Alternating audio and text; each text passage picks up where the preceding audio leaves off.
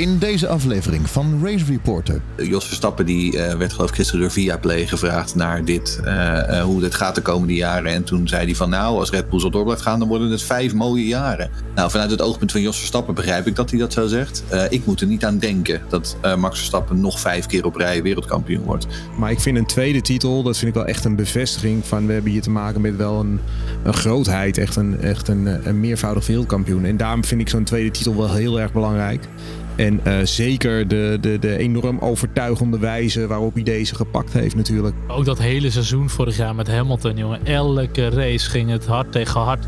Het was natuurlijk eindelijk had hij Hamilton op de knieën en eindelijk was hij er voorbij. En ook de manier waarop. De eerste voor een Nederlander ooit die wereldkampioen Formule 1 wordt. Welkom bij Race Reporter, de Formule 1 podcast. Met een nabeschouwing op de kletsnatte grote prijs van Japan, waar onze eigen Max Verstappen in een merkwaardige race zijn tweede wereldtitel greep.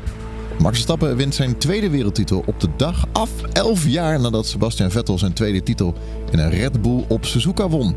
De titel van Max Verstappen betekent dat Suzuka nu het circuit is waarop de meeste wereldkampioenschappen werden gewonnen, namelijk 12. De vorige recordhouder was Monza, dat al sinds 1961 het record van 11 in handen had. Verstappen had op de meet een voorsprong van 27,066 seconden op Leclerc. En dat is de grootste voorsprong die een winnaar ooit op Suzuka had.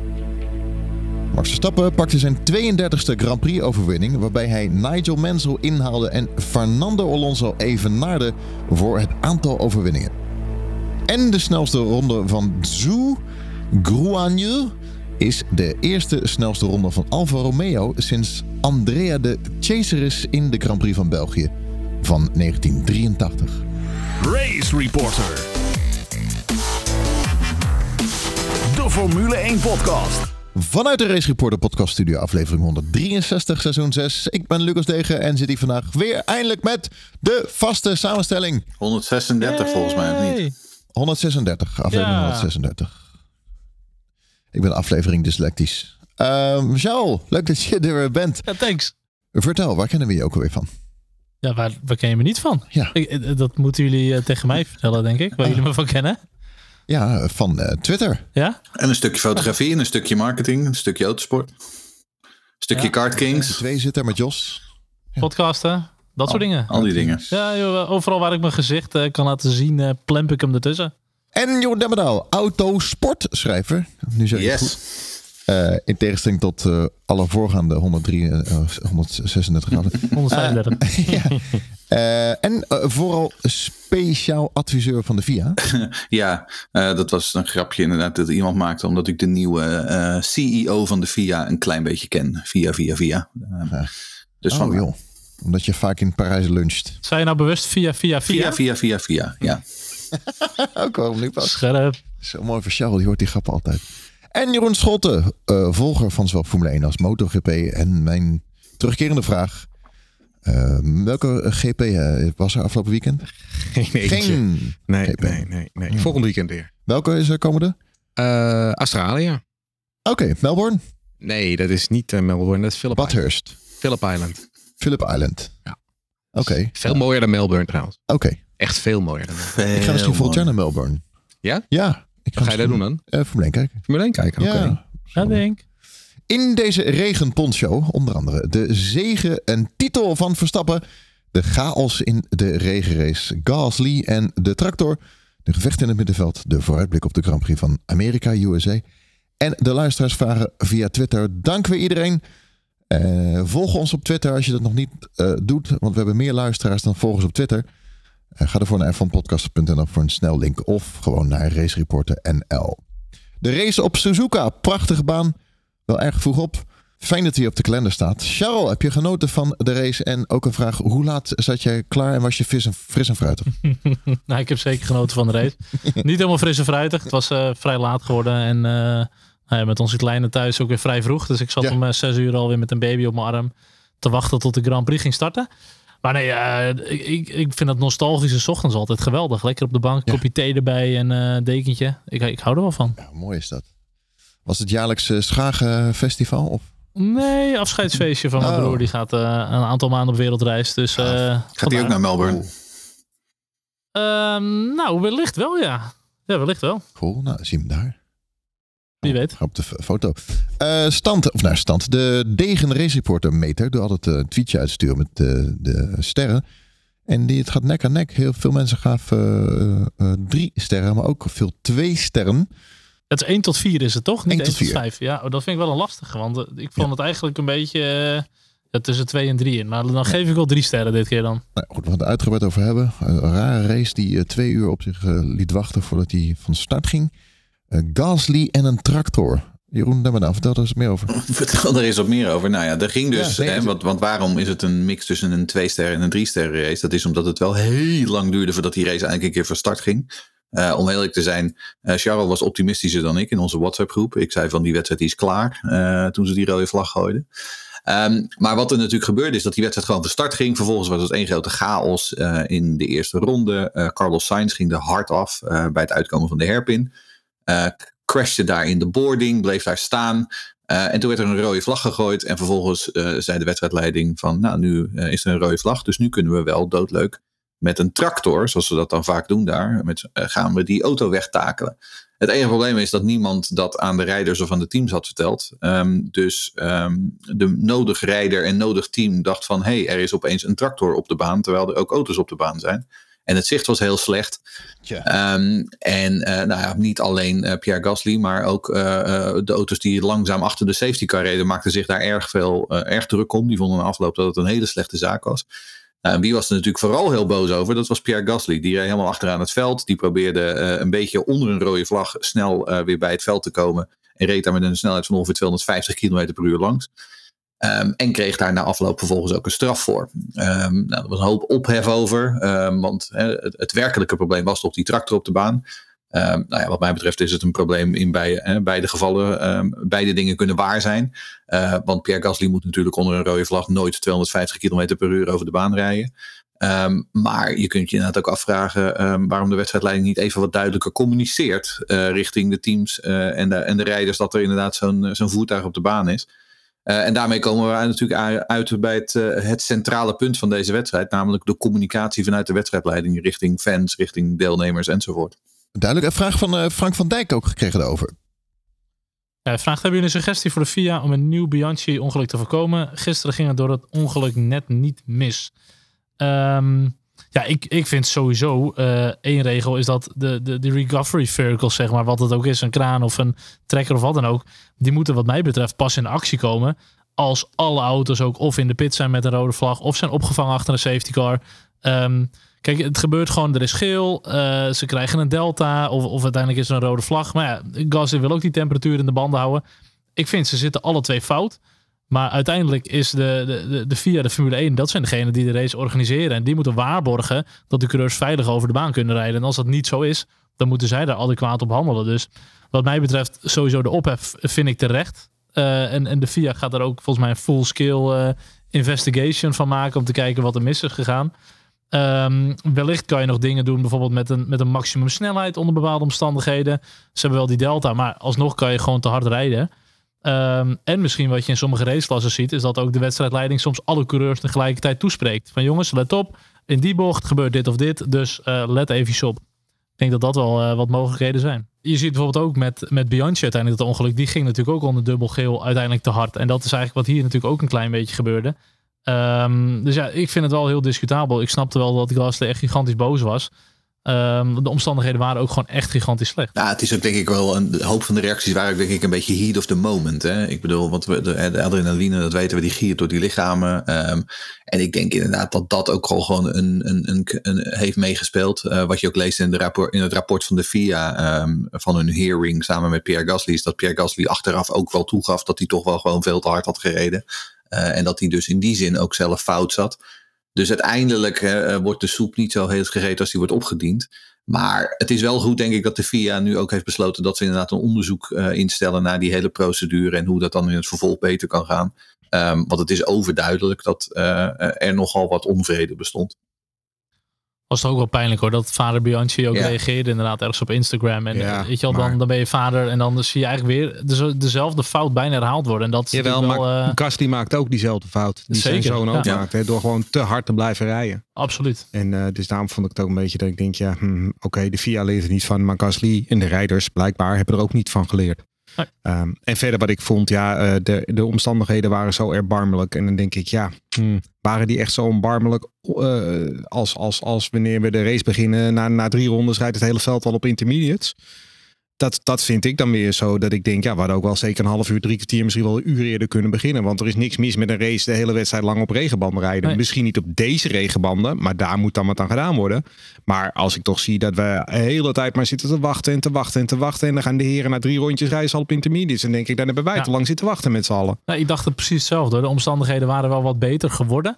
Maar ik heb ook zoiets van, ga gewoon rijden. Eh, eh, weet je wel, rij die baan droog. Dan voel je het echt aan. Ik was nu echt bang dat die Japanse fans daar echt voor niks zaten. En eh, Spa 2021 wilde hij ook niet hebben.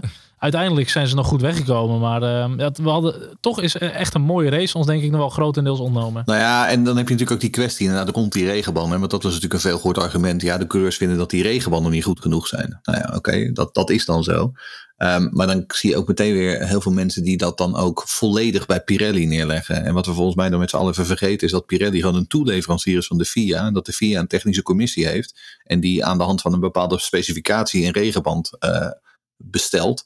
Ehm, dus dat dat beter moet, daar, kunnen we, daar, daar ben ik het helemaal mee eens. eh, wat, wat Jeroen net zegt. Maar dat is wel iets wat zowel bij de FIA als bij Pirelli ligt. Die moeten daar samen een, weg voorwaarts in vinden. Want, want Pirelli ontwerpt die banden natuurlijk niet in een vacuüm. Ik vond het wel eh, tricky met die, eh, dat reclamebord ook wat eh, op een eh op het touw vast zat.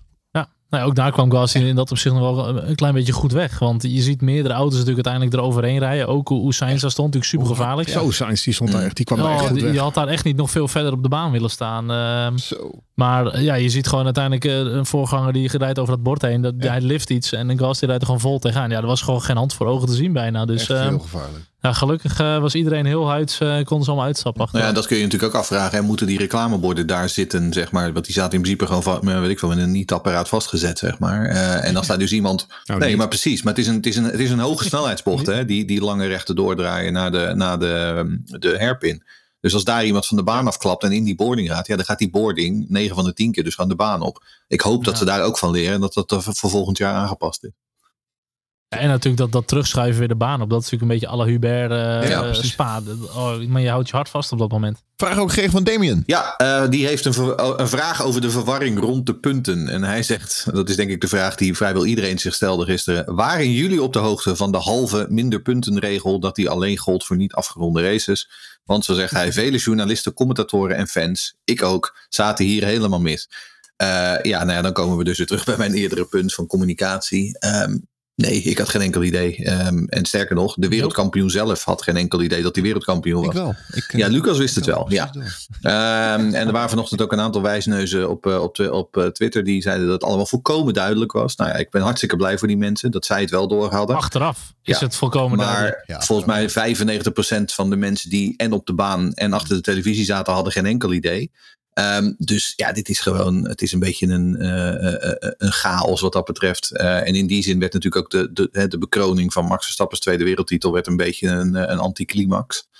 Ehm, dus ja, daar, ook daar weer, ook hier een leermoment voor de FIA. Misschien dat ze toch eens wat beter met, met eh, onscreen graphics moeten gaan werken. Waarbij ze dan eh, ons daar in ieder geval eh, wakker van maken. Want ik moet zeggen, tijdens de hele wedstrijd had ik geen idee op welk moment. Ik wist dat wel, maar op, welk moment Max Verstappen dan wel of geen wereldkampioen zou zijn. Eh, je zou zeggen dat ze dat tijdens de wedstrijd, de live championship standings of zo. Maar die heb ik niet gezien. Dus wel, ook hier valt nog wel wat te verbeteren, wat mij betreft. Ik denk eerder dat 99% van de mensen dit niet wist. Coureurs niet, teams niet, media niet. Volgens mij echt alleen bij de FIA degene die echt tot in enkels in de regeltjes zitten. En dat is natuurlijk wel twee dingen. Enerzijds moet je dat gewoon, regels moet je ook soms weer gaan versimpelen. En dat zie je heel vaak. Regels, er, er komen dingen bij, er gaan dingen worden weer verduidelijkt. Ze worden er dubbel in of tegenstrijdig. En eh, soms zijn ze ook weer overbodig.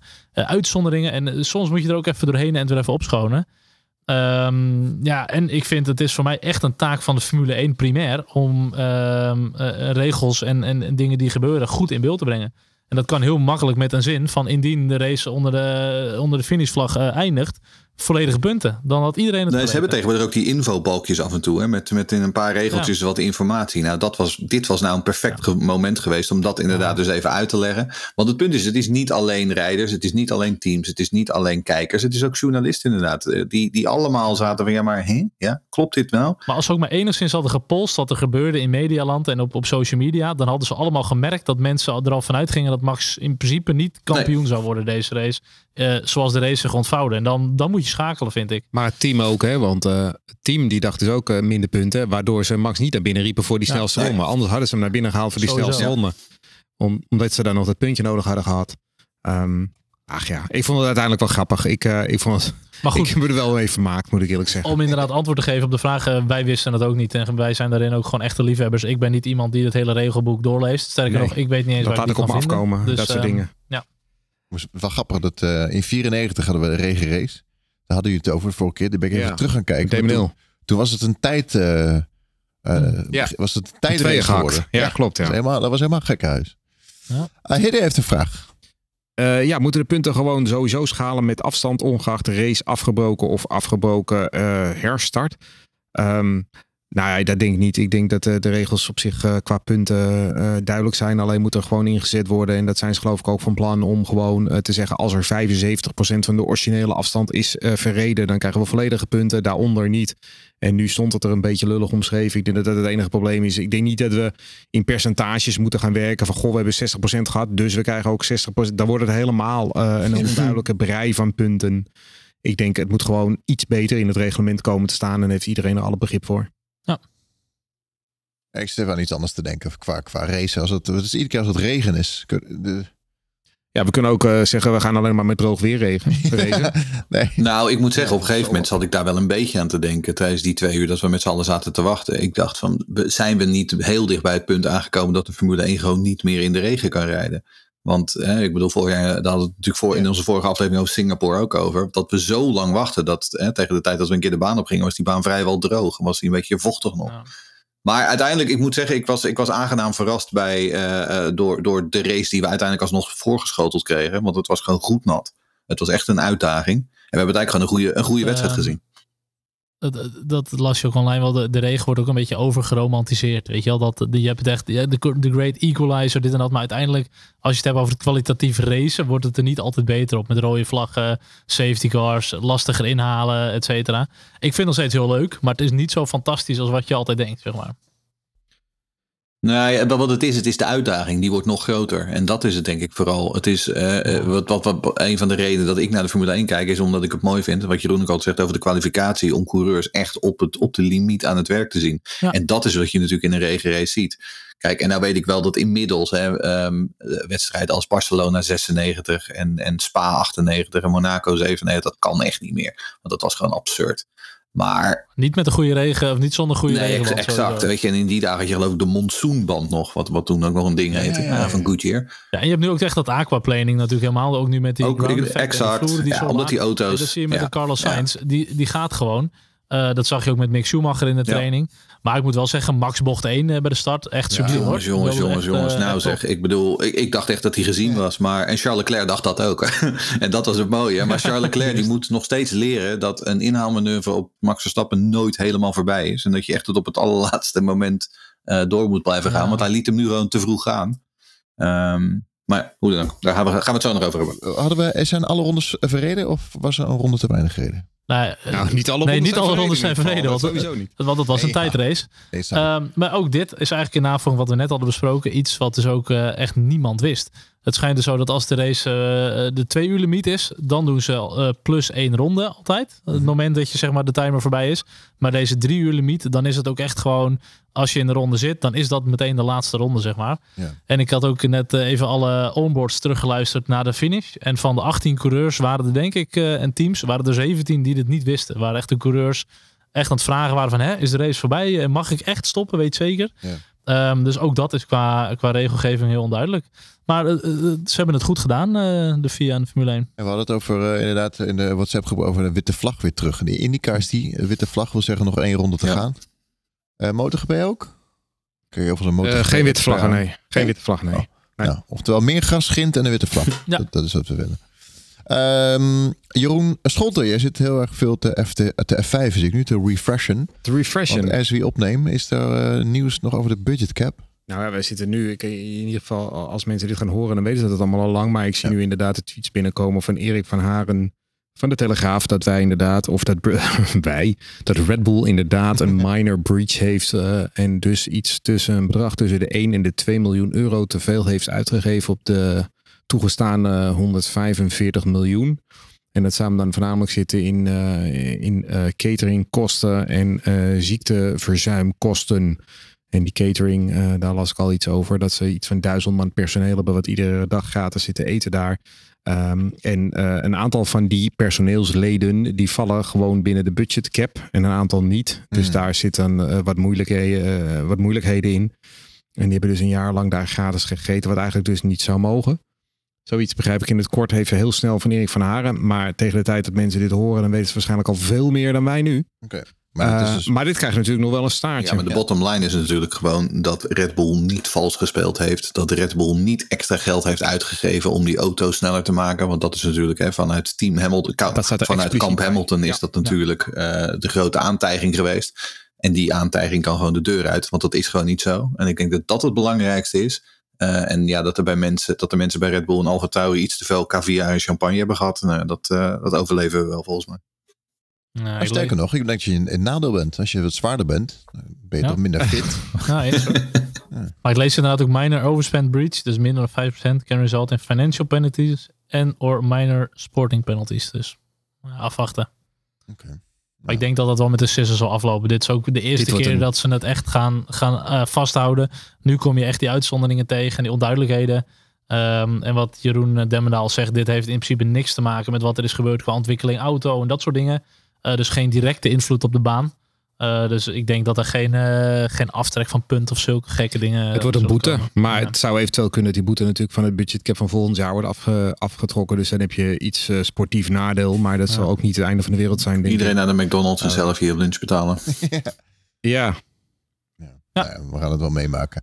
Eh voorspelspelspel, Daniel, die heeft een vraag gesteld. Ja, hij vraagt, eh, en wanneer krijgen we een betere regie? We hebben precies niks gezien van Ja. Vettel versus Alonso deel eh 338 eh, miljoen eh 184.000 of zo. Ja, weet ik eigenlijk niet wanneer we dat krijgen. Kijk, ik denk ze steken liever wat meer tijd en moeite in alle kunstmatige fanmeuk en Ja. neppe gevechten op Netflix en weet ik het wat allemaal. In plaats van gewoon goede, goede regie met wat er echt gebeurt. En je ziet gewoon, eh, zelfs de Formule 1 gebruikt gewoon fan footage, eh, omdat dat gewoon beter is dan wat ze zelf hebben. Ehm, dus ja, ik, ik, ik zie dat wel, eh, wel lastig in hoor. Sterker nog, bijvoorbeeld de, de snelste ronde van Zoo, die stond ook op YouTube. Ja. Maar dat was gewoon twee minuten gewoon blurry beeld, want je zag helemaal niks. En dat was dan de snelste raceronde die is verreden. Nou, het is allemaal heel leuk voor de statistieken, maar nee, het, het is matig. Ik vind het echt, de gevechten die, die er zijn, zie je gewoon heel slecht. We hebben geen Max gezien die onder de finishvlag kwam.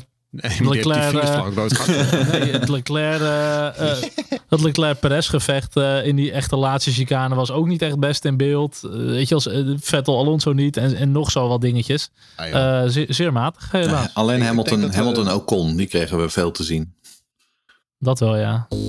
Race Reporter, de Formule 1 podcast. Het weekend van Max Verstappen en Red Bull.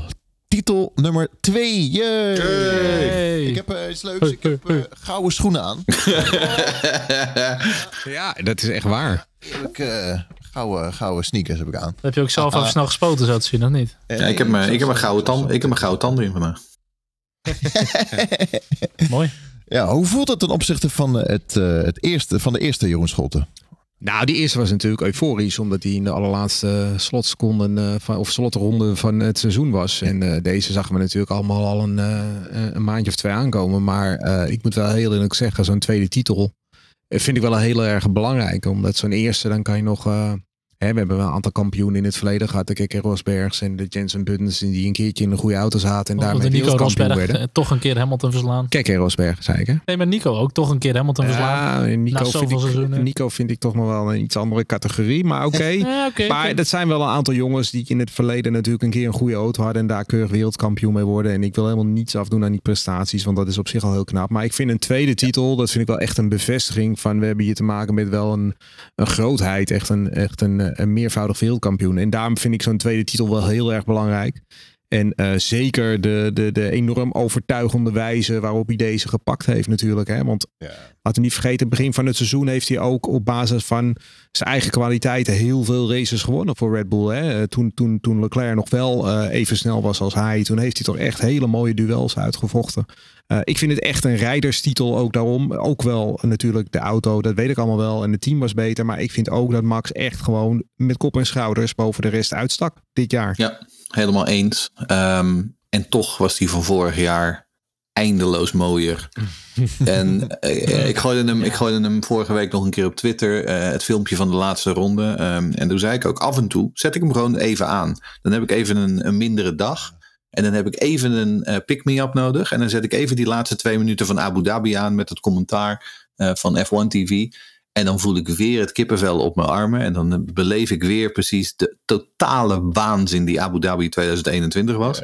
En, vergele- en vergeleken daarbij was dit. Ja, het is, eh, ik, wat je zegt, ik ben het helemaal met je eens. Eh, het belang van de tweede titel. Ja, hij hoort er nu echt bij, bij die elitegroep van, van all-time greats. Ehm, en ik, ik, ben- ik ben ervan overtuigd dat het niet de laatste is. Maar ehm, de eerste, dat is de enige die de eerste is. Eh, de tweede is nooit, wordt nooit de eerste meer. Ja. Ook dat hele seizoen vorig jaar met Hamilton, jongen. Ja. Elke race ging het hard tegen hard. En dan die, die, die leven, dan die weer niet. En dan samen er weer af. En het was natuurlijk eindelijk had hij Hamilton op de knieën. En eindelijk was hij er voorbij. En ook de manier waarop. Ja, dat, en wat je al zegt, dat is de eerste. De eerste voor een Nederlander ooit. Die, die wereldkampioen Formule 1 wordt. En ook dat was natuurlijk, laten we het zeggen, toch met een soort van een smetje. eh want eh, bij Team Lewis Hamilton nog een gigantische nasleep heeft. En, en dit keer is het natuurlijk ook niet eh, de, het binnenhalen van de titel zoals we die hadden gewenst, zeg maar. En wat ik al zei, eh, je hebt niet Max met de, met de boordradio, met Christian Horner en even een donut en weet ik het wat gek doen bij die auto en zo. Dat, dat vond ik wel heel jammer. En natuurlijk, het kon ook niet, omdat Leclerc die penalty ook eh, pas na de race kreeg. Maar dat, voor mijn gevoel, eh, miste dat natuurlijk wel een beetje. Dat je echt die, die euforie had. Het was juist nu allemaal heel onduidelijk. Ja, dat deed echt wel afbreuk aan, eh, aan zijn prestatie. Dus dat vind ik wel jammer. Vind ik ook. Eens, true, inderdaad. Ehm, Remco heeft een vraag. Eh, Alonso die gaf voor het weekend aan dat hij vond dat Verstappen bij de all-time greats zou horen als hij in Japan zijn tweede titel pakte. Delen jullie zijn mening? Eh, ja, eigenlijk wel. Ik denk het wel. Ik denk dat hij inmiddels daar wel is aanbeland. eh, met meer dan 30 overwinningen, 32. En, 32, ja. Ehm, ja, twee wereldtitels. Ik denk nog wel dat het een beetje onderaan het rijtje all-time greats zit. Hij zit nog niet in de buurt van de top 5 of zoiets. Maar hij heeft nog lang te gaan. Dat is wel Maar hij echt heeft een, nog, eh, nou ja, dat wou ik zeggen. Hij heeft nog zo lang te Hij is gaan. pas vier- En, eh, en hij is pas generationeel, eh, 24. hè? talent. Absoluut. Dus, dus hij gaat daar langzaam steeds meer naartoe. Maar ik denk inmiddels dat we rustig kunnen stellen dat dit een all-time great is. Die wij uh, langzaam aan uh, de hele Formule 1 uh, zullen gaan zien domineren in de komende jaren. Charles, wat had jij gezegd op Twitter? Dat hij in het, komend jaar de lijstjes van uh, records van Senna kan gaan verbreken? Ja, natuurlijk. Hij kan ze weer, ja. Als hij een goede auto heeft volgend jaar, of een, een, matige auto, dan kan hij ook misschien nog aardig meevechten. Dan kan hij natuurlijk zijn derde wereldtitel pakken. En kan hij ook richting het aantal overwinningen van Senna. Ja. Het zij zo dat we natuurlijk nu het dubbel aantal races in een seizoen hebben ongeveer. Ja. Dus dat is natuurlijk niet helemaal eerlijk. Maar um, ja, als je gewoon ziet, Max die, zit, die acteert op zo'n gigantisch niveau. Dat, vergeleken met alle coureurs op de huidige grid. Lewis is daar echt een hele goede van. Maar ook een Leclerc maakt echt wel foutjes en dit en dat. Er zijn er weinig die zo snel zijn, zo consistent, zo sterk. En dat, uh, dat maakt hem echt uniek op dit moment. Max record staat aan het begin uh, de opening van de podcast in 40 minuten 27 seconden voorsprong. Uh, we hebben nog vier races te gaan. Ik heb daar toch even een vraagje over. Hoe, hoe gaat het komende uh, vier races eruit zien? Gaat Max uh, de instelling, ik ga alles pakken, want ik wil een uh, ja. record? Of gaat hij denken, ja. nee, die nee, gaat alles pakken. Perez mag nu winnen. En, ja, de, de, de, ja, misschien dat hij Mexico ik, nog ik wil gunt, het zeggen. Voor de rest uh, zal hij alles willen pakken, want hij wil dat Verstappen, record. Dat zei Verstappen ook is een winnaar en wil altijd winnen. Tegelijkertijd is hij ook een teamplayer. En ik denk dat als hij in Mexico de kans heeft, Kijk, als, Pe- als Perez gewoon een P5 rondtuft, dan gaat hij hem niet. eh, ja. dan is het, is het, dan, dan is het klaar. Maar als Perez erachter zit, dan zou het me niet verbazen als hij hem in Mexico de race laat winnen. eh, voor zijn eigen publiek. Kijk, in dat, in, ja, we gaan het zo over hebben met Checo. Heb natuurlijk ook een beetje ervoor gezorgd dat hij in Japan eh, kampioen kon worden door die druk op Leclerc. Ja. Max is wel iemand die, die, de, die het weer, weer teruggeeft, zeg maar. Maar de situatie moet er dan wel naar zijn. Ik bedoel, hij gaat echt niet eh, een minuut stilstaan zodat Perez nog even kan winnen of zo. En we moeten er ook niet zomaar even overheen stappen dat hij gewoon die 40 minuten naar Ja. 27 seconden rijdt in, in, in heel slecht weer. Hè? Dan, dan, dan heb je het wel echt over. Hè, want we weten race uit het verleden van Schumacher en Senna die dat altijd zo goed konden. Hamilton in, eh, in Silverstone 2008, meen ik, wat deed dat Mm. ook. Eh, dit was er ook gewoon eentje. Hè? Dit was ook gewoon echt. Ja. eh, ik- Ja, het is nog niet. Het is alleen nog niet echt het. eh, ik bedoel, ik heb Schumacher nog een keer in, eh, in- Dat was Barcelona 96, geloof ik. Toen hij drie of vier seconden sneller per ronde reed dan wie dan ook op de baan. Dat heb ik Verstappen nog niet zien doen. Maar. Afgezien daarvan, ja, dit is wel. Kijk, weet je, hij is natuurlijk ook gewoon een rekenmeister, hè, zoals dat in mooi Duits heet. Eh, dat is gewoon zo. Hij, hij, hij kan dit, dat wisten we. Dat hebben we in die geweldige race in Brazilië gezien. We hebben het in andere wedstrijden gezien. Hij, is, hij heeft gewoon die, die gave. Eh, en dat liet hij gisteren weer eh, eh, op uitmuntende wijze zien. Dat zag je ook aan het einde van de race. Die banden, Leclerc Ja. reed praktisch op slicks. En Max had nog gewoon een redelijk goed setje intermediates over. Oké, die Red Bull is wat milder op de banden. Nou, als je dat natuurlijk eh, wat milder op de banden bent, kan je ook wat meer op de natte lijn rijden. Eh, dan slijt het ook allemaal wat minder snel. Maar dit verschil is wel absurd hoor. Dat, Mm. eh, ja, absoluut. Ik val misschien in herhaling, maar ik zeg het altijd. Het tweede deel van het Formule 1 seizoen is toch ook wel tekenend voor het komende eh, seizoen. Ik, ik dacht je gaat zeggen dat je blij bent dat ik er weer ben. Dat is Oh ja, oh ja. Wat leuk dat je er weer Hey, bent. thanks, thanks. Maar eh, dit is toch wel eh, ja, aan de ene kant ehm, eh, geruststellend, aan de andere kant zorgwekkend. Nou ja, kijk, Als, als je... Dit is het, eh, en ik weet dat ik dat eerder vandaag op Twitter gooide. En toen zei ik al, dat wordt een, ehm, onpo- een impopulaire mening. Ehm, eh, Jos Verstappen die eh, werd geloof ik gisteren door Viaplay gevraagd naar dit, hoe dit gaat de komende jaren. En toen zei hij van nou, als Red Bull zo door blijft gaan, dan worden het vijf mooie jaren. Nou, vanuit het oogpunt van Jos Verstappen begrijp ik dat hij dat zo zegt. Eh, ik moet er niet aan denken dat eh, Max Verstappen nog vijf keer op rij wereldkampioen wordt. Ehm, want ik ben allereerst Formule 1 fan. Ehm, niet allereerst Formule 1 coureur zoals Charles. Allereerst Formule 1 fan. Ehm, en Max Verstappen, ja, de- uiteraard. Hè, enige oranje gezindheid is mij niet vreemd. Maar ehm, ik wil vooral gewoon een spannend WK zien. En ehm, hij heeft er nu twee op rij gehad. Eh, van mij eh, mag eh, iemand anders het volgend jaar wel weer worden. Ik zou het geweldig vinden als volgend jaar Charles Leclerc alsnog die eerste wereldtitel binnenhaalt. Of, of als Lewis Hamilton zijn achtste pakt. Of als George Russell zijn eerste pakt. Want wat ik wel wat ik mooi vind aan deze sport is dat er als er is als er strijd is. Hè. We hebben het natuurlijk allemaal gezien in 2021. Toen ging het wel echt hard tegen hard. Ik bedoel, ik denk dat als we vijf keer 2021 krijgen in de komende jaren, dat mijn hart het begeeft. Maar ehm, een, vijf keer een herhaling van dit seizoen zou ik ook niet willen zien. Ehm, en ik weet dat ik me daarmee vooral inderdaad bij de verstokte Max Verstappen fans misschien niet populair maak. Ja. Ehm, maar dan luister je misschien ook niet naar deze podcast. Maar Nou, ik ben, ben- ik, ik, ik, ik, wil, ik, wil, ik zou graag een, een, een spannend WK willen zien. Dat is voor mij altijd de belangrijkste zaak. Het is ook goed als de Leclerc zijn eerste pakt, want dan heeft hij meer het zelfvertrouwen. En dan gaan we echt de strijd Exact, zien tussen ja. eh, Max en, eh en Nou, op zich vind ik één seizoen wat nog een beetje saai is. Nou, vind ik ook niet heel erg hoor. Nee, hè? Gewoon nog even die derde titel. En joh, daarna eh, prima allemaal. Nou, ik vind gewoon, eh, ik bedoel, ik lees ja, het saaiste seizoen ooit en zo, Nee, maar dat slaat helemaal nee, nee. Dat nee, zijn nee, mensen nee. die gewoon dement zijn, want er zijn zoveel eh, seizoenen geweest waarin het WK snel Ja, beslist wordt. Maar goed, ik denk dat we het allemaal mee eens zijn. We hopen allemaal dat, eh, dat het meer richting een model gaat waarin iedereen regelmatig wel eens kan meevechten om een overwinning. Waarop het spannend is in de top. Waarin het middenveld mooie gevechten heeft. Of zitten. Waarin ook niemand echt helemaal in de achterhoede hangt in zijn eentje. Het veld moet gewoon dichter bij elkaar. En dat, dat is bijvoorbeeld de IndyCar altijd een mooi voorbeeld. Iedereen kan bijna wel winnen, zeg maar. Ja, maar dat is Ja, nooit maar een dat- ik- dat- nee. We, hebben, we hebben nooit zeven teams Maar gehad die races winnen. Nu had je soms de Formule 1, de Formule 1.5 en de Formule 2 eh, of zo, weet je wel. Dat Maar mag wel wat dichter bij in de elkaar. periode 2006-2010 hadden we in vijf jaar tijd vijf verschillende wereldkampioenen. Dat vond ik mooi. Ja. En Ja. ehm, het, het zou mij helemaal. Het, ik zou het prima vinden als dat de komende vijf jaar ook zo is. Dat we vijf verschillende wereldkampioenen Nee. hebben. Kijk, en voor mij mag Max Verstappen er tien winnen op termijn.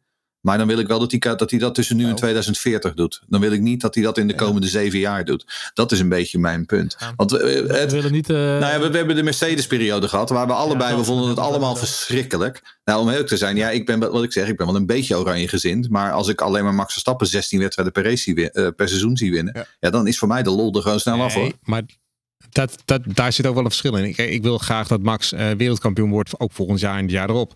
Maar liever wel spannender. Ja. En een keer bij een ander team ook nog. Dat vind ik ook nog wel leuk. nou, ik zou dat ja. vinden als ik ja, Ferrari McLaren overstap. Ja. Maar McLaren zal niet kunnen betalen, maar Ferrari wel. Maar dat zou ik wel heel dat zit er voorlopig denk ik, dat zit er voorlopig denk ik ook nog niet in. Maar als hij op termijn een keer naar Ferrari zou gaan en een soort een Schumacheriaans uh, uh, omwenteling doet, zeg maar. En inderdaad gewoon opnieuw weer zo'n team opbouwen. Dat zou heel mooi zijn. Als je dat niet doet, kan je dan wel een of de all-time greats worden. Goeie Stel, vraag. Red Bull heeft nu de vijf jaar een, een hele goede auto. Jawel, kan je wel. Nee, Team Lewis Hamilton nee. vindt wel dat Lewis uh, een all-time great is. Die, die nou ja, goed, die hebben het ook vrijwel alleen maar gedaan. Senna uh, is ook alleen wereldkampioen geworden bij McLaren ja. en zo. Dus ja. Uh, dus ja, weet je, dat, dat vind ik allemaal niet zo heel erg spannend. Dus dat kan allemaal mm. wel. Ja. maar het, het zou wel extra lading geven als je het bij een, andere, uh, een ander team wat nog niet helemaal op de top staat, als je het daar ook uh, kan doen bij McLaren of bij Ferrari. Dat zou wel ja, dat zou ik wel heel leuk vinden. Maar ik zou nu nog even blijven zitten als ik hem was, inderdaad. En zeker bij een team wat, wat, wat meer geld uitgeeft dan de rest. kan je misschien uh, wel als wereldkampioen zou ik uh, niet naar Alpine gaan als ik hem was. Want dan uh, uh, je eigen broodje betalen. Even, en niet naar de silly season, maar even terug naar de race. Uh, we hebben volgend jaar Vettel niet meer. Dus dan hebben we nog een Alonso als kampioen en Lewis. Maar ja, Alonso is natuurlijk ook niet meer echt een kandidaat. Maar dan zouden we eigenlijk maar twee kampioenen nog in het... Uh, ja. Uh, wat, wat Jeroen Demmen dan zegt. Ja, we, we, hebben ooit een seizoen gehad met meerdere kampioenen. Ja, Max toch? Is het ook kampioen of niet? Ja.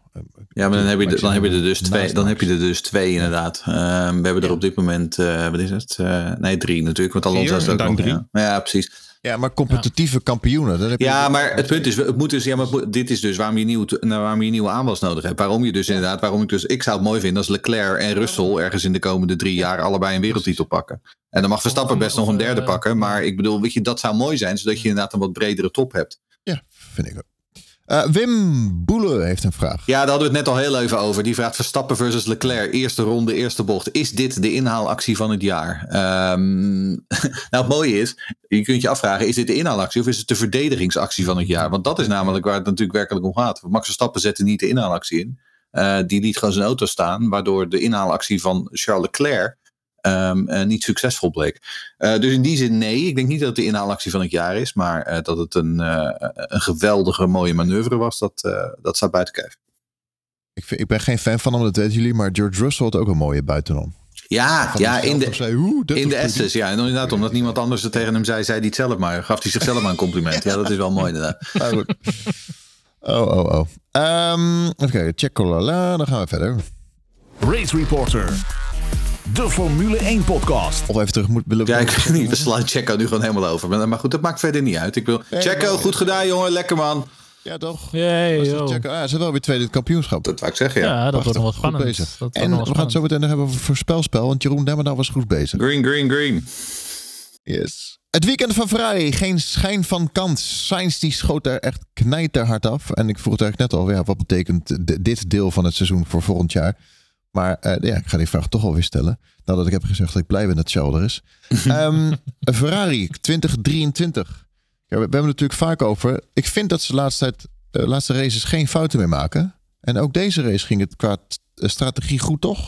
Ja, het ging wel goed. Het enige probleem is dat, uh, en dat staat ook hier in ons draaiboek, de bandenslijtage maakt Leclerc opnieuw kansloos. En dat blijkt toch inmiddels wel, het, het is bijna alsof dat naarmate het seizoen vordert steeds erger wordt. Uh, die, die Ferrari die vreet gewoon banden. Uh, en dan maakt het niet uit of het intermediates of regenbanden of soft of hard zijn.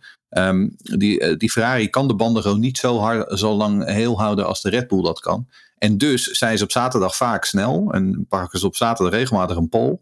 Waarna ze dan vervolgens op zondag um, het onderspit delven ten opzichte van Red Bull, omdat die race van Red Bull gewoon beter is. Dus ja, dat lijkt mij toch het voornaamste, de voornaamste taak voor het Ferrari-team over de winter. Um, dat die bandenslijtage die moet eruit, uit dat concept. Dat moeten ze oplossen. Want als ze dat niet voor elkaar krijgen, ja, dan wordt 2023 een, herhaling van dit seizoen.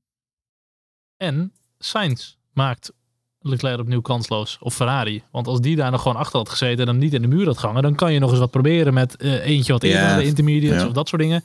Uh, is misschien een longshot. Maar ja, met één coureur tegen Verstappen en Perez en Leclerc die toch ook naar achteren moet gaan kijken. Ja, dan ben je ook gewoon een sitting duck. En je kan eigenlijk gewoon helemaal niks. Maar ik denk ook dat die TD39 gewoon er heel erg belangrijk in geweest is in Ferrari. Die hebben echt wel last gehad van. Kijk, in principe heeft die auto gewoon, is gewoon omhoog uh, gegaan om dat popsync te voorkomen. En daardoor hebben ze downforce verloren. Daardoor zijn ze meer gaan glijden. Daardoor hebben ze meer bandenslijtage. Want als je denkt aan de eerdere fase in het seizoen, bijvoorbeeld in Australië, toen hadden ze juist veel minder bandensluitage dan, in, dan de Red Bull. Dus ik denk ook dat daar, Red Bull heeft daar nooit last van gehad. En zij hebben daar wel, denk ik, ook last van gehad. Ja. En wat ik altijd zeg, als je nu wereldkampioen wordt, het is zo competitief, dan moet alles moet goed zijn. En Red Bull heeft ook gewoon één kopman en een secondant. Ja. Ferrari, die jongens pakken ook punten van elkaar af. Eh, prima, want soms is Sainz ook sneller. Helpt ook niet. Maar het is allemaal net nog niet op het niveau van Red Bull qua strategie, qua pitstops, qua eh, slijtage.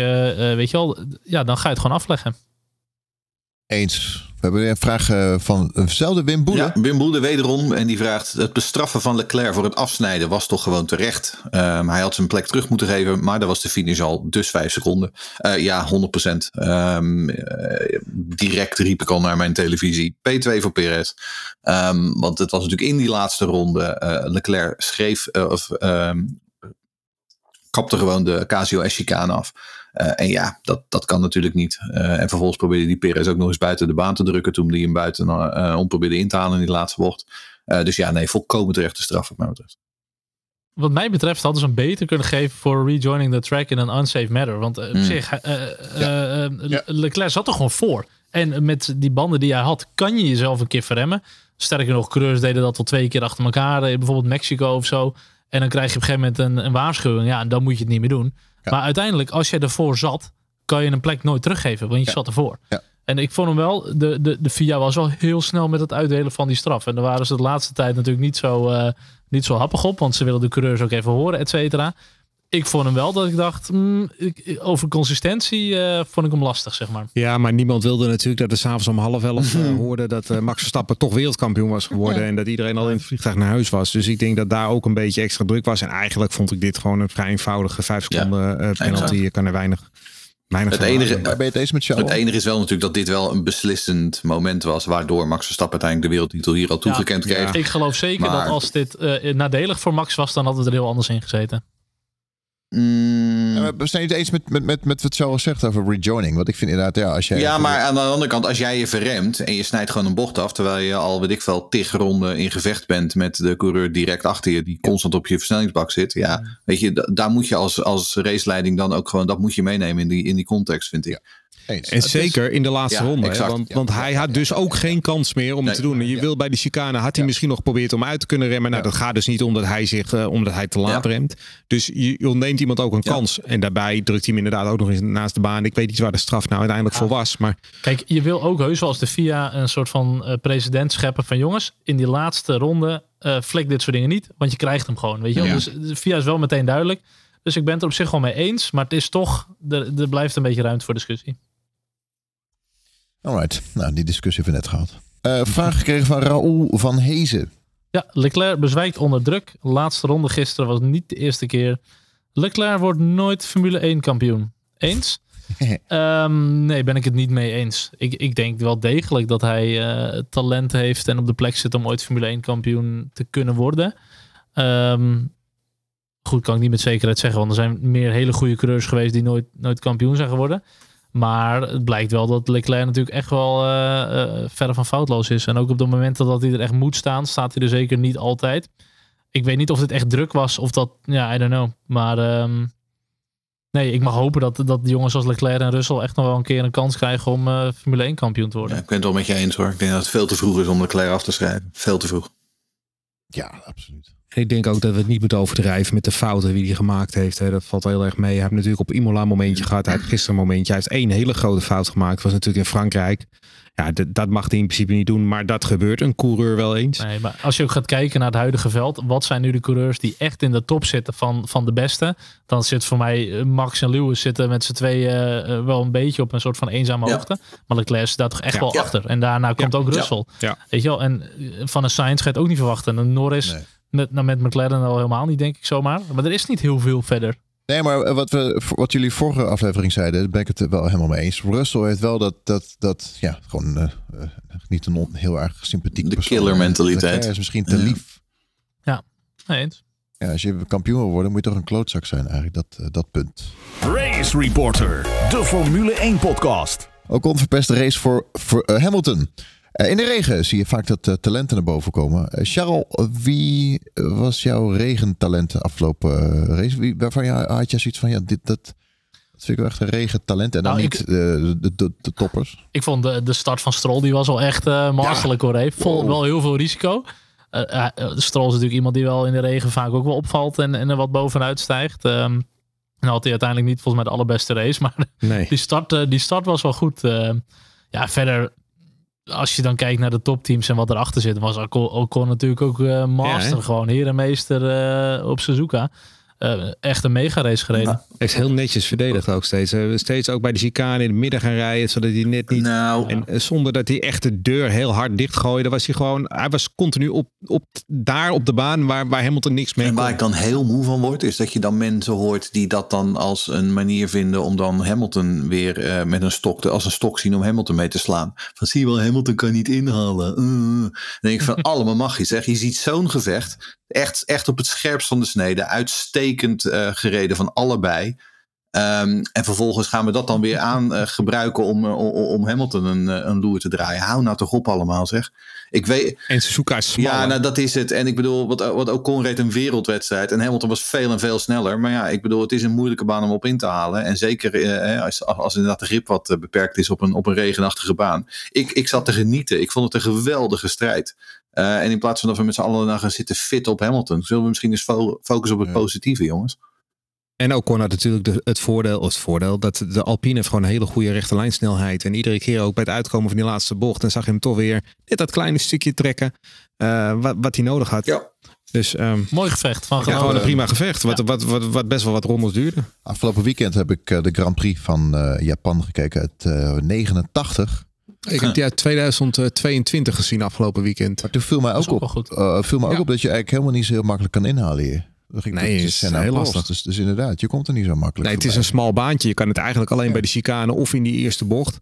Eh, maar ja, met, met regen wordt het altijd al moeilijker. Het is net. Zandvoort, hè? Of, of, zoals, eh, Ja. ja. of zoals Max Verstappen ooit Zou er toch bij komen? de hairpin deed. Heeft Max ooit een keer ingehaald. Regenafstelling Mercedes levert niets op. Ja. Nee, dat, het was eh, matig.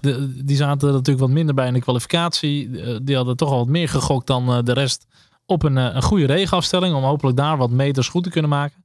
Ja, en dat viel op zich wel aardig tegen. Hamilton zat natuurlijk wel echt in gevecht met, met Ocon. Moet ook Russell had natuurlijk niet echt de stappen gemaakt die ze hadden gehoopt, denk ik. Ja, en dat is wel jammer voor ze. Want dit zijn dan wel de races dat als je er dan als best of the rest voor zit, dat je wellicht nog eens echt mooi kan gaan meevechten. Maar dat eh, viel wel wat tegen. Die Russell zat ik weer een partij te miep over die radio's. Echt niet te geloven. Ik bedoel, wat, wat- Mercedes kiest er wel uit. Nou, dat is het. Want het hier eh, natuurlijk vorige week over. Dat die eh, Russell eh, regelmatig gewoon een heel vervelend ventje is. Maar nu ook weer. Weet je, wat is het? Twee ronden in die wedstrijd. Ja, dit was een terrible decision. Oh, Oké, dankjewel, Sjors. Ehm, eh, maar dat, dat eeuwige gezeik van die vent. Ehm, het, het is wel een beetje een... eh, een, een, een eh, nou ja. Hij, hij heeft wel gewoon humeur. typische. Ja, nou, hij, heeft, hij, ze- ze- hij heeft heel regelmatig heeft hij gewoon een slecht humeur achter het, achter het stuur. Merk me, valt me op. Nou, ik vind dat een beetje een wijsneus, een proleetje. Ik vind het echt. eh, ik heb al als persoon heb ik niks met hem. Ik vind het een goede racer, en dat meen ik oprecht. En hij, is, hij had ook weer een paar hele mooie inhaalacties in de, in de, in de Ja. S's zelfs. super knap. maar ik vind het gewoon een, een, een- nee, geen leuke man. Ik ben wel heel blij dat jij weer terug bent, Charles. Ik vind jou wel Ja, heel Ja, die ja, vind ik wel leuk. Ja, man. ja. Ik denk, nou, Ja, Charles, Charles is wel een leuke man inderdaad. Ja. Ja. Ja, ja. Vettel, die, eh, ik vond het echt een hele erg slechte eerste bocht die hij die, die nam. Hij Zo. tegen Alonso aan. En toen zei hij, eh, Alonso eh duwde me van de baan. Maar dat was helemaal niet zo. Nou, als we het hebben over regentalenten, die Vettel die gaat nog eens heel groot worden hoor. ja. ja, Ik zou hem graag wel een keer zien. eh zien Bij een topteam of zo. Ja, die moeten, die moeten ze een keer bij een topteam aanzetten, aanstellen. Ja. Nou, maar ik vond het wel leuk om te zien dat hij eh, over de boord gaat. Hij zei, eh, wat een fantastische track. En eh, zo maken ze niet meer. Mooi, Maar- ja, mooi. ja. Toch wel mooi Ja, inderdaad mooi. Dat, dat Vettel in de eerste bocht tegen Alonso aanreed Ja. en eh, kansloos eh, Ja. naar achteren viel. En eh, uiteindelijk eh, toch nog eh, Alonso weet in te halen. Echt op de Elfduizendsten eh, van een seconde. Ja. Ja. Maar dan zie je wel, ze waren alle twee heel respectvol. En dat was echt een mooi gevecht, ook die laatste bochten in. Eh, dat, ja. daar niemand eh, van de baan af is gegaan of dat ze in elkaar zijn geraakt. als ook, Vettel dus niet was gespind de eerste bocht, kan je nagaan hoe hoog hij misschien dan gekomen was. ja, maar misschien ook wel niet. Nou, maar je ziet ook, weet je. nee, maar, je, maar je ziet ook wel, weet je, dit is ook. het is geen toeval dat Vettel boven komt drijven op een baan als Suzuka. Dit is natuurlijk gewoon een rijdencircuit. Eh en je zag het in de kwalificatie al, waar hij natuurlijk alles uit dat ding haalde. En zelfs Q3 haalde. Eh, Het is ook zo'n leuk figuur toch? Met zo'n bandana. Ja, met zo'n joh, Japanse ding om en zo. En uh, iets Japans praten zo. En, ja, eh, mooi. ah. hij, hij was ook helemaal in de war na de race of zo. Hè? Toen hij zei ook op de radio van ik ben helemaal in de war of zo. En eh, ja, waar ben ik? Ja, het was, ja in Japan. Hij is eh, natuurlijk- hij is het, was, het was leuk. Hij is veel te leuk geworden. Hè? Want vroeger Ja. was hij helemaal niet leuk. En toen won hij alles. En nu is hij heel leuk. En nu wint hij niks. Ze gingen tribune schoonmaken en zo. Ja. En, eh, ja, superleuk. Misschien wordt zelfs George Russell ooit wel eens leuk.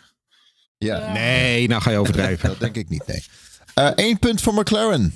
Potverdorie. Vorige week hadden ze, vorige race Ja, hadden ze nog... eh, Dat is kassa. Hoe kan dat toch dat ze zo onconsequent... eh, wat is het omgekeerde woord van inconsequent eh, zijn? Omgekeerd. Nou, dat wordt wel heel, heel moeilijk om het omgekeerd zo eventjes te zeggen. Inconsequent zijn. Maar Inconsistent? punt- Inconsistent. Incontinent. Incontinent. Eén punt voor McLaren. Ja, Man, nee, dat, man, was man. Even, eh, dat was huilen, denk ik. Ja, nee, kijk, het gaat natuurlijk gewoon om plek 4 in het constructeurskampioenschap. Ja. En eh, dat gaat niet nergens over. Nee. Ja, en eh, Alpine heeft weer even een mooi aantal puntjes binnengehaald. Ja, en met nog maar vier races te gaan. eh, nou ja, kom er nog maar even als het droge weer races worden. Dan, eh, Nou, vorige week waren ze natuurlijk royaal ingehaald met die vierde en vijfde plek van McLaren. En nu gaan wippen ze er weer overheen. Dan zijn ze weer 13 punten voor. Dat is, eh, Het is wel een yo- het is wel een yo-yo strijd ja, tussen die twee. Nou, het vervelende is natuurlijk wel, en dat heeft vorige week wel een beetje vertekend, dat die Alpine zo onbetrouwbaar Ja, is. Hè. En Vertekend? vorige- Vertekend, ja. Ja, dat is vertekend. Eh, dat die Alpine, want qua snelheid, eh, vorige week eh, was het best oké. Ja. Alleen ja, hij valt, hij valt weer stil twee keer. En dat is natuurlijk het probleem. Eens. ja. Ja, en Williams pakt natuurlijk weer twee punten. Dus die halen ook echt helemaal niemand Nee, in. ho, ho. Latifi. Ja, Latifi. Hij Ja. is voor Williams, maar Latifi pakt Ja, punten. en voor Nick de Vries in het WK hè, nu. Kent. Oh, Eindelijk. Eindelijk heeft Latifi het voor elkaar. Hij staat voor Nick de Vries. Kijk. Wauw. Wanneer heeft eh, Latifi... Is, zijn dit ook zijn eerste punten ooit? Nee, nee, nee. hij had er een Eh, aantal vorig jaar zeven punten of zo. Maar hadden we, ook niet, Oh. hadden we ook niet de vraag waarom Latifi dan nu voor Nick in het WK Ja. staat? Dat is toch puur omdat hij meer races heeft, dus ook meer hoge Nou, ik wil zeggen, want, want daarna als ze dus gelijk staan, dan gaan ze dus rekenen. Oké, wie heeft er daarna het hoogste resultaat? Nou, Nick de Vries heeft helemaal geen resultaten verder. Die heeft alleen één vijfde plek. Maar Latifi heeft, weet ik veel, een twaalfde plek of zo. Inderdaad, ja. Ik wil zeggen, één negende plek. En Latifi die heeft natuurlijk een heel aantal andere finishes. En wordt dan dus per, eh, per saldo facto wordt hij eh, er meteen voor gezet. Ja, Mhm. Maar Nick de Vries heeft volgende week of volgend jaar een stoel. En Latifi niet. Nou, in ieder geval niet in de, Formule- niet in de Formule wel 1 in ieder geval. Nee.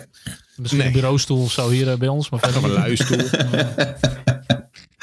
Eh, we hebben een vraag ben ik even van Reiner. Die was vanmiddag in de studio. Die kwam een eh, budget eh kava brengen. Dankjewel, eh Rijn. Budget Kava. Nice. Budget cap. Ja, budget kava. Waarom is hij niet hier dan? eh, champagne. Ja, weet ik niet. Hij ging zijn hond uitlaten. Dus, Oh. eh, ja. nee, dus Nooit meer teruggezien.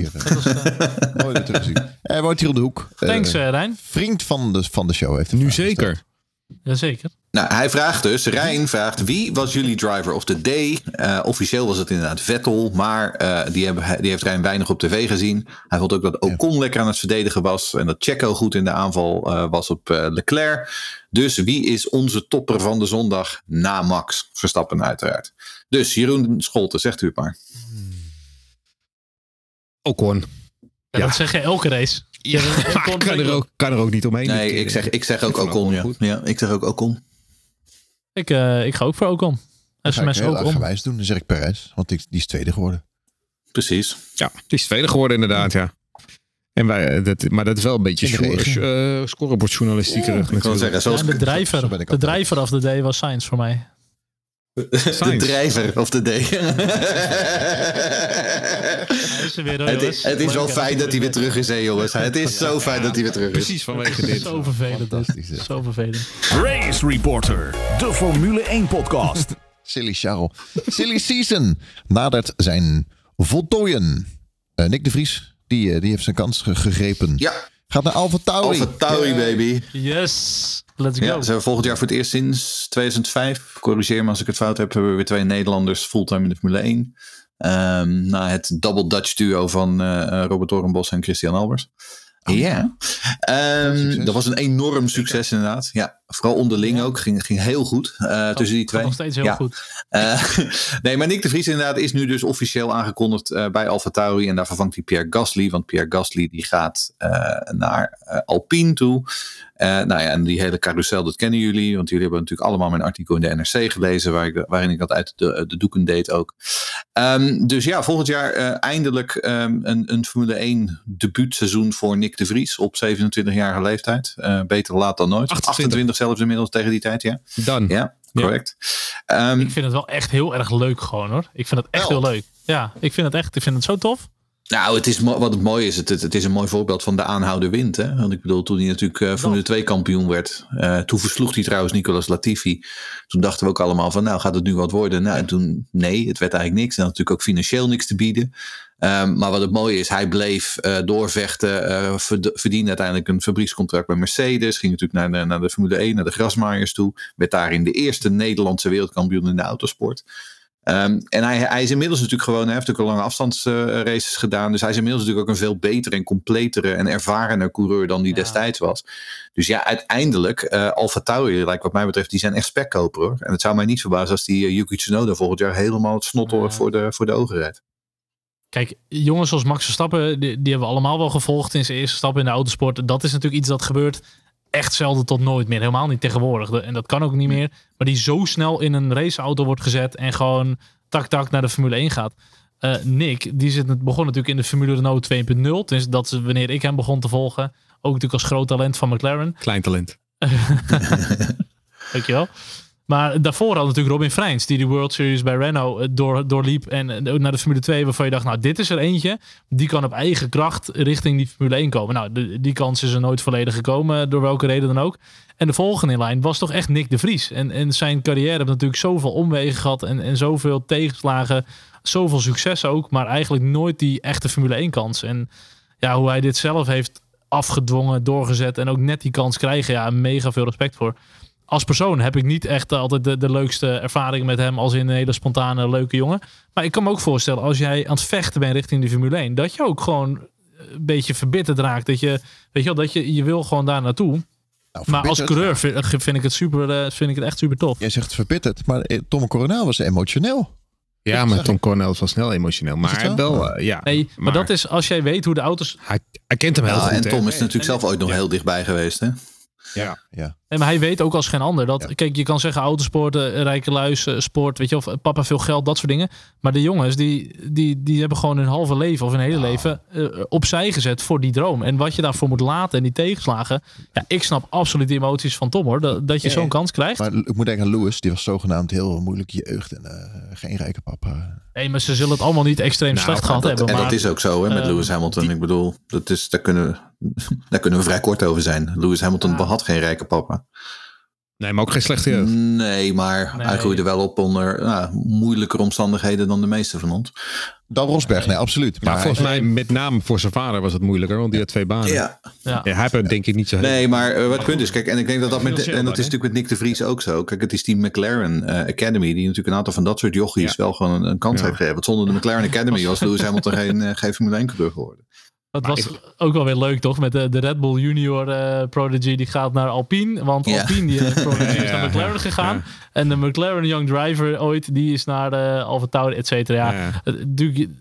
ja, ze hebben niet allemaal talent wat ze ooit hebben gezien nu, uh, nu in huis. Maar het is wel maar, opmerkelijk, vond, vond, ik dat Helmut Marco meteen zegt van ik vind hem eigenlijk ook de teamleider. Want dat zie ik niet zo in Yuki, dat zie ik veel meer in, in de Vries. Dat vond ik wel een opmerkelijke uitspraak. Maar het is natuurlijk wel zo dat dit voor de Vries natuurlijk wel een hele mooie kans is. Want je wordt afgemeten zo meteen naast Yuki Tsunoda. En Yuki is best snel, maar niet extreem snel. En, uh, en, en de Vries is juist heel degelijk. Alles wat Yuki niet is. Dus ik, ik denk ook dat, dat Nick de Vries gewoon in punten in ieder geval al boven Yuki zal dat komen Dat denk ik wel zeker, ja. En sterker nog, als je daarachter gaat kijken, is de, spoel, de spoeling bij Red Bull vrij dun. Uh, dus als Nick de Vries volgend jaar gewoon een goed debuutseizoen rijdt. Um, en op termijn moeten ze bij uh, Red Bull eens gaan nadenken over wie er naast Max Verstappen komt te zitten. Ik, ik sluit niks uit. Hè. Ik bedoel, hij, wat je kunt zien aan Nick de Vries is dat hij in de afgelopen jaren heel hard gegroeid is. En dat hij echt een. Hij, is, hij kan kampioenschappen winnen, hij kan races winnen, hij kan met druk omgaan. Um, ik, ben, ik ben echt. Hij is niet beter dan Checo Perez. Dat, dat, weet ik, dat weet ik niet. Dat weet ik niet. Kijk, inmiddels nog niet natuurlijk. Maar dat weten we niet. Kijk, wat nogmaals, we moeten het dus zien hoe die nu zich in die wereld van de Formule 1 staande houdt. Maar ik denk absoluut dat hij, wat jij zegt, hij heeft een uitstekende kans. En die Tsunoda, ja, ik vind Yuki een leuke, een leuke knul hoor. En ik vond het heel erg grappig dat ze een soort Super Mario filmpje met hem maakten dit weekend. Maar um, het is wel gewoon, uh, het is echt vries of dooien met dat joch. Kijk, en wat het mooie is ook met een Alfa Tauri, dat die heeft ook niet per se een, een, een teamleider nodig. Weet je ook, kijk, nee. wat je bij Ferrari of een Red Bull zo moet hebben, of een Mercedes, ja. echt een kopman. Uh, maar ik denk wel dat hij degene gaat zijn die inderdaad de setup bepaalt, de ontwikkeling gaat, uh, weet je wel, gaat sturen. Veel simulatorwerk heeft hij gedaan, waar ik een Yuki daarin nog voor mijn gevoel vrij licht vind. Dus ik denk wel dat ze op Nick uh, kunnen en moeten gaan bouwen. Een beetje. Ja, maar ik, ik, ik, ik, denk ook dat het Red Bull moederbedrijf liever geen twee Nederlanders uh, bij het Red Bull A-team heeft. Dat denk ik ook. En ik denk ook niet dat uh, Nick de Vries in aanleg beter is dan Checo Perez. Ik denk eerder dat ze dan gokken op de jongere talenten die eraan zitten te komen. Goed, het is allemaal zo ver weg kijken. En ik moet gewoon zorgen dat hij lekker twee jaartjes of zoiets goed gaat presteren en degelijk gaat presteren. Ja. En dan, dan, dan, dan, misschien gaat hij daarna wel een ander mooi team. Ja. ja. Ricciardo. Die, uh, die gaat Formule 1 verlaten. Ja, Ricciardo die heeft dus inderdaad ook dit weekend uh, aangegeven dat het er toch wel heel erg naar uitziet dat hij in 2023 niet op de grid staat. Nou, nog even een zielig muziekje, uh, Lucas. Oh. um, maar um, dat betekent dus ook dat hij niet naar Williams gaat, dat hij niet naar Haas gaat, want dat zijn de enige twee open stoeltjes die we nu nog hebben.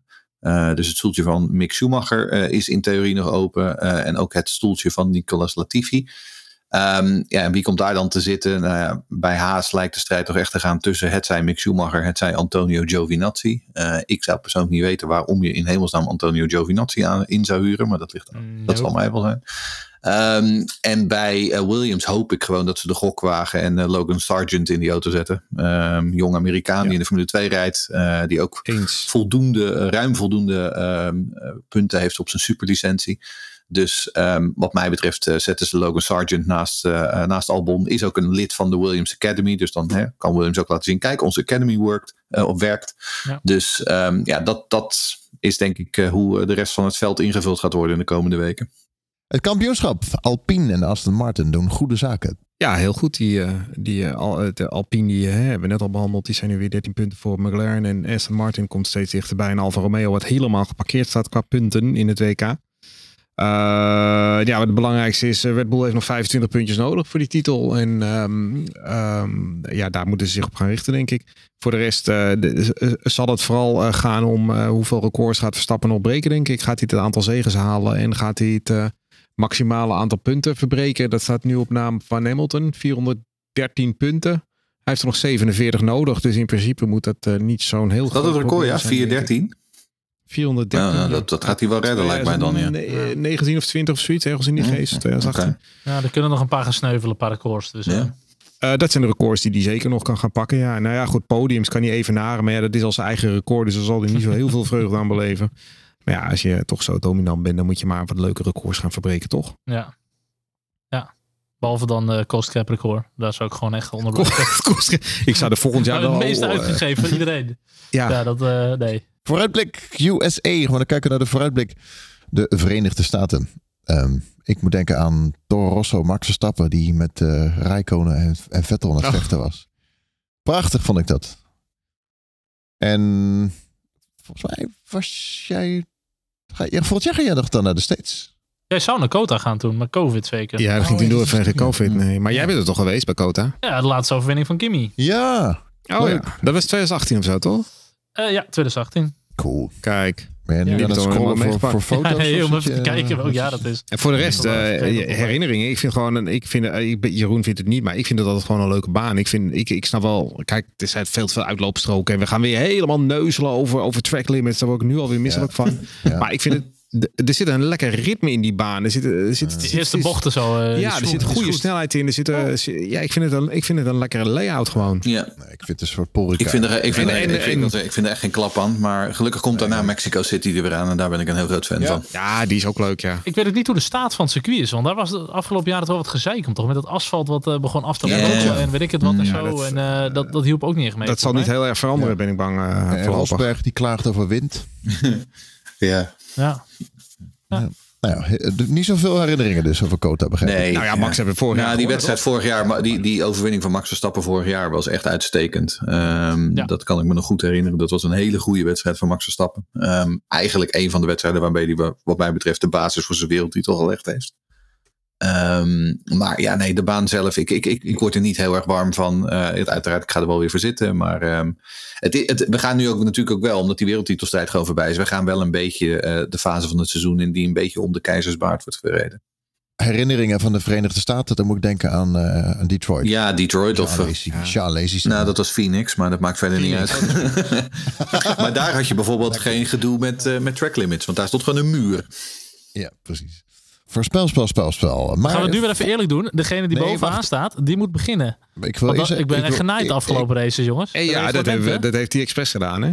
Ik wil eerst even zeggen, gefeliciteerd Jeroen Nemmerdaal. Want die is volgens mij Ja. de eerste dit jaar, dat weet ik niet zeker. Die groen heeft gewoon het Ja. podium goed. Kijk, ik ergens afge- ik sta afgetekend vierde. Ik ben echt Alpine, eh, de vlees geworden Alpine wat dat betreft. Maar ehm, nee, ik, ik- Een soort van Ocon met één een soort van. Ocon met één overwinning. Ja, exact, ja. Eh, maar inderdaad, voor mij, ehm, het is zeker mijn eerste groen dit jaar, ja. Ja. Norris, Leuk, werd, hoor. Norris werd tiende, die had niemand goed. Nou, ik had wel de eerste twee nog goed. Verstappen Ja, en Maar, Perez. maar Charles, Ja, ik heb, het is zo gek. Ik, ik heb altijd mijn voorspelling van tevoren doorgegeven. En Lucas heeft elke keer exact dezelfde. ik heb Het nog is ergens- goed dat ik er weer ben. Want ik heb er eh, ergens op band staan dat jij zegt, ja, als je er niet bent, dan doe je ook niet mee met de voorspelling. En wij, wij matsen jou iedere keer. haal er maar bij. Maar er zijn nog 280 Hou er maar punten te verdelen, lees ik, hè? En Ja. jij staat er maar een puntje, op, wat is het? eh, 60. ja, 50 voor, 60, ja. Dus eh, Kan makkelijk. Ja, nou, eh, kan Lucas, eh, brand makkelijk. Spannend, spannend. Tot de Ja, laatste- jij moet beginnen, ja. Eh, Oké, dan eh, doe ik Verstappen, Perez, Leclerc, Stroll. Nou, dan doe ik. Verstappen, Leclerc, Perez. Norris.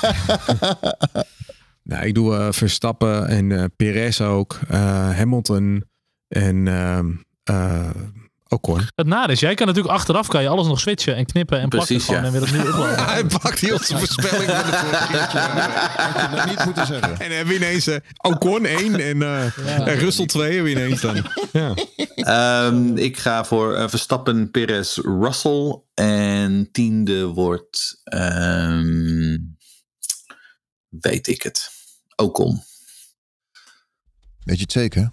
Nee, maar Verenigde Staten. Vrijdag natuurlijk de vrije trainingen. En let op, want het is allemaal in de avond. De vrije training is om 9 uur s avonds en om 12 uur s avonds. De derde vrije training op zaterdag om 9 uur. En de kwalificatie om 12 uur. Van 12 tot 1. En de race 23 oktober om 9 uur s avonds tot 11 uur. Rare tijden. Vind ik. Ik denk dat we eh, misschien, eh, ik weet niet of er al iets over bekend is, die Logan Sargent nog wat te zien gaan krijgen dit weekend. Het zou zomaar kunnen dat hij een FP1'tje Amerikaans, dus, doet. Ja. Ehm, en, ja. en er gaan natuurlijk ook nog steeds verhalen dat eh, McLaren eh, wat, eh, wat van die jongens gaat doen. Hè? Eh, Colton Hurta wordt geroepen. Oh, Eh, Pato en zo. eh, Pa- Pato Ward eh, zou, zou me niet verbazen als die in Mexico opduikt. Eh, Alex Pelot misschien. Dus even afwachten nog. ben benieuwd. Heb je al een uh, weersvoorspelling, eh, Lucas?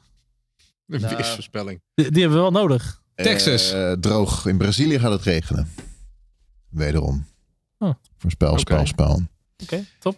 Oké, Charles, leuk dat je er weer was. Ja, leuk dat ik er weer was. Wanneer ben je er weer? Ja, Volgende keer, denk ik. Ja, dat is. Ja. Ja, Ja, Over de regen dus, hè? ben je er 22 over twee weken? Ben je er, ben je er van de komende vier? Ja, als de band staat, staat het de band. Dus eh, ik weet het nog niet. Nee, ik, denk, ik denk het. Leuk. Dank jullie wel. Hij monteert het gewoon zo dat je de volgende keer er weer gewoon weer bent en de rest van het jaar. Nou, top. Race Reporter wordt mede mogelijk gemaakt door een aantal leden. Gouden leden Frank Thebe en Roos Zinnige. Super bedankt. Zilverleden Karin, Niels, Christa, Remco Zoon, Rowdy Rabouw, Maarten Ewertse, Kevin Rijnbert, Ewart Albrecht, Menno van de Veen, Jarno Dijkstra, Jasper Heijmans, Jan-Joost Volmer, Hugon Elbersen, Ron Hazelenbach, Niels de Boer, ambassadeur Bas van Bodegraven, Rens Verberne, Martin Verduin, Menno Turksma, Alex Nijenhuis, Ramon Kok, Ferry van den Bree, Rob de Voogd, ook ambassadeur, René Bakker, Frank van Dijk, Raymond Wolfswinkel, Erwin van den Heuvel, Huub van den Oever en laatste lid nieuw bijgekomen, Jaap. Super bedankt. Dit jaar ook nog een aantal donaties van Annelies Bier, Tiese Roodhart, Luc Wenink en Harry. Allemaal super bedankt voor jullie support. Wil je ook lid worden? Ga naar petjeaf.com slash f1podcast. Dat is petjeaf.com slash f1podcast. Dank jullie wel. Dank jullie wel. Dank tot de Dank jullie wel. Hoi. Hoi.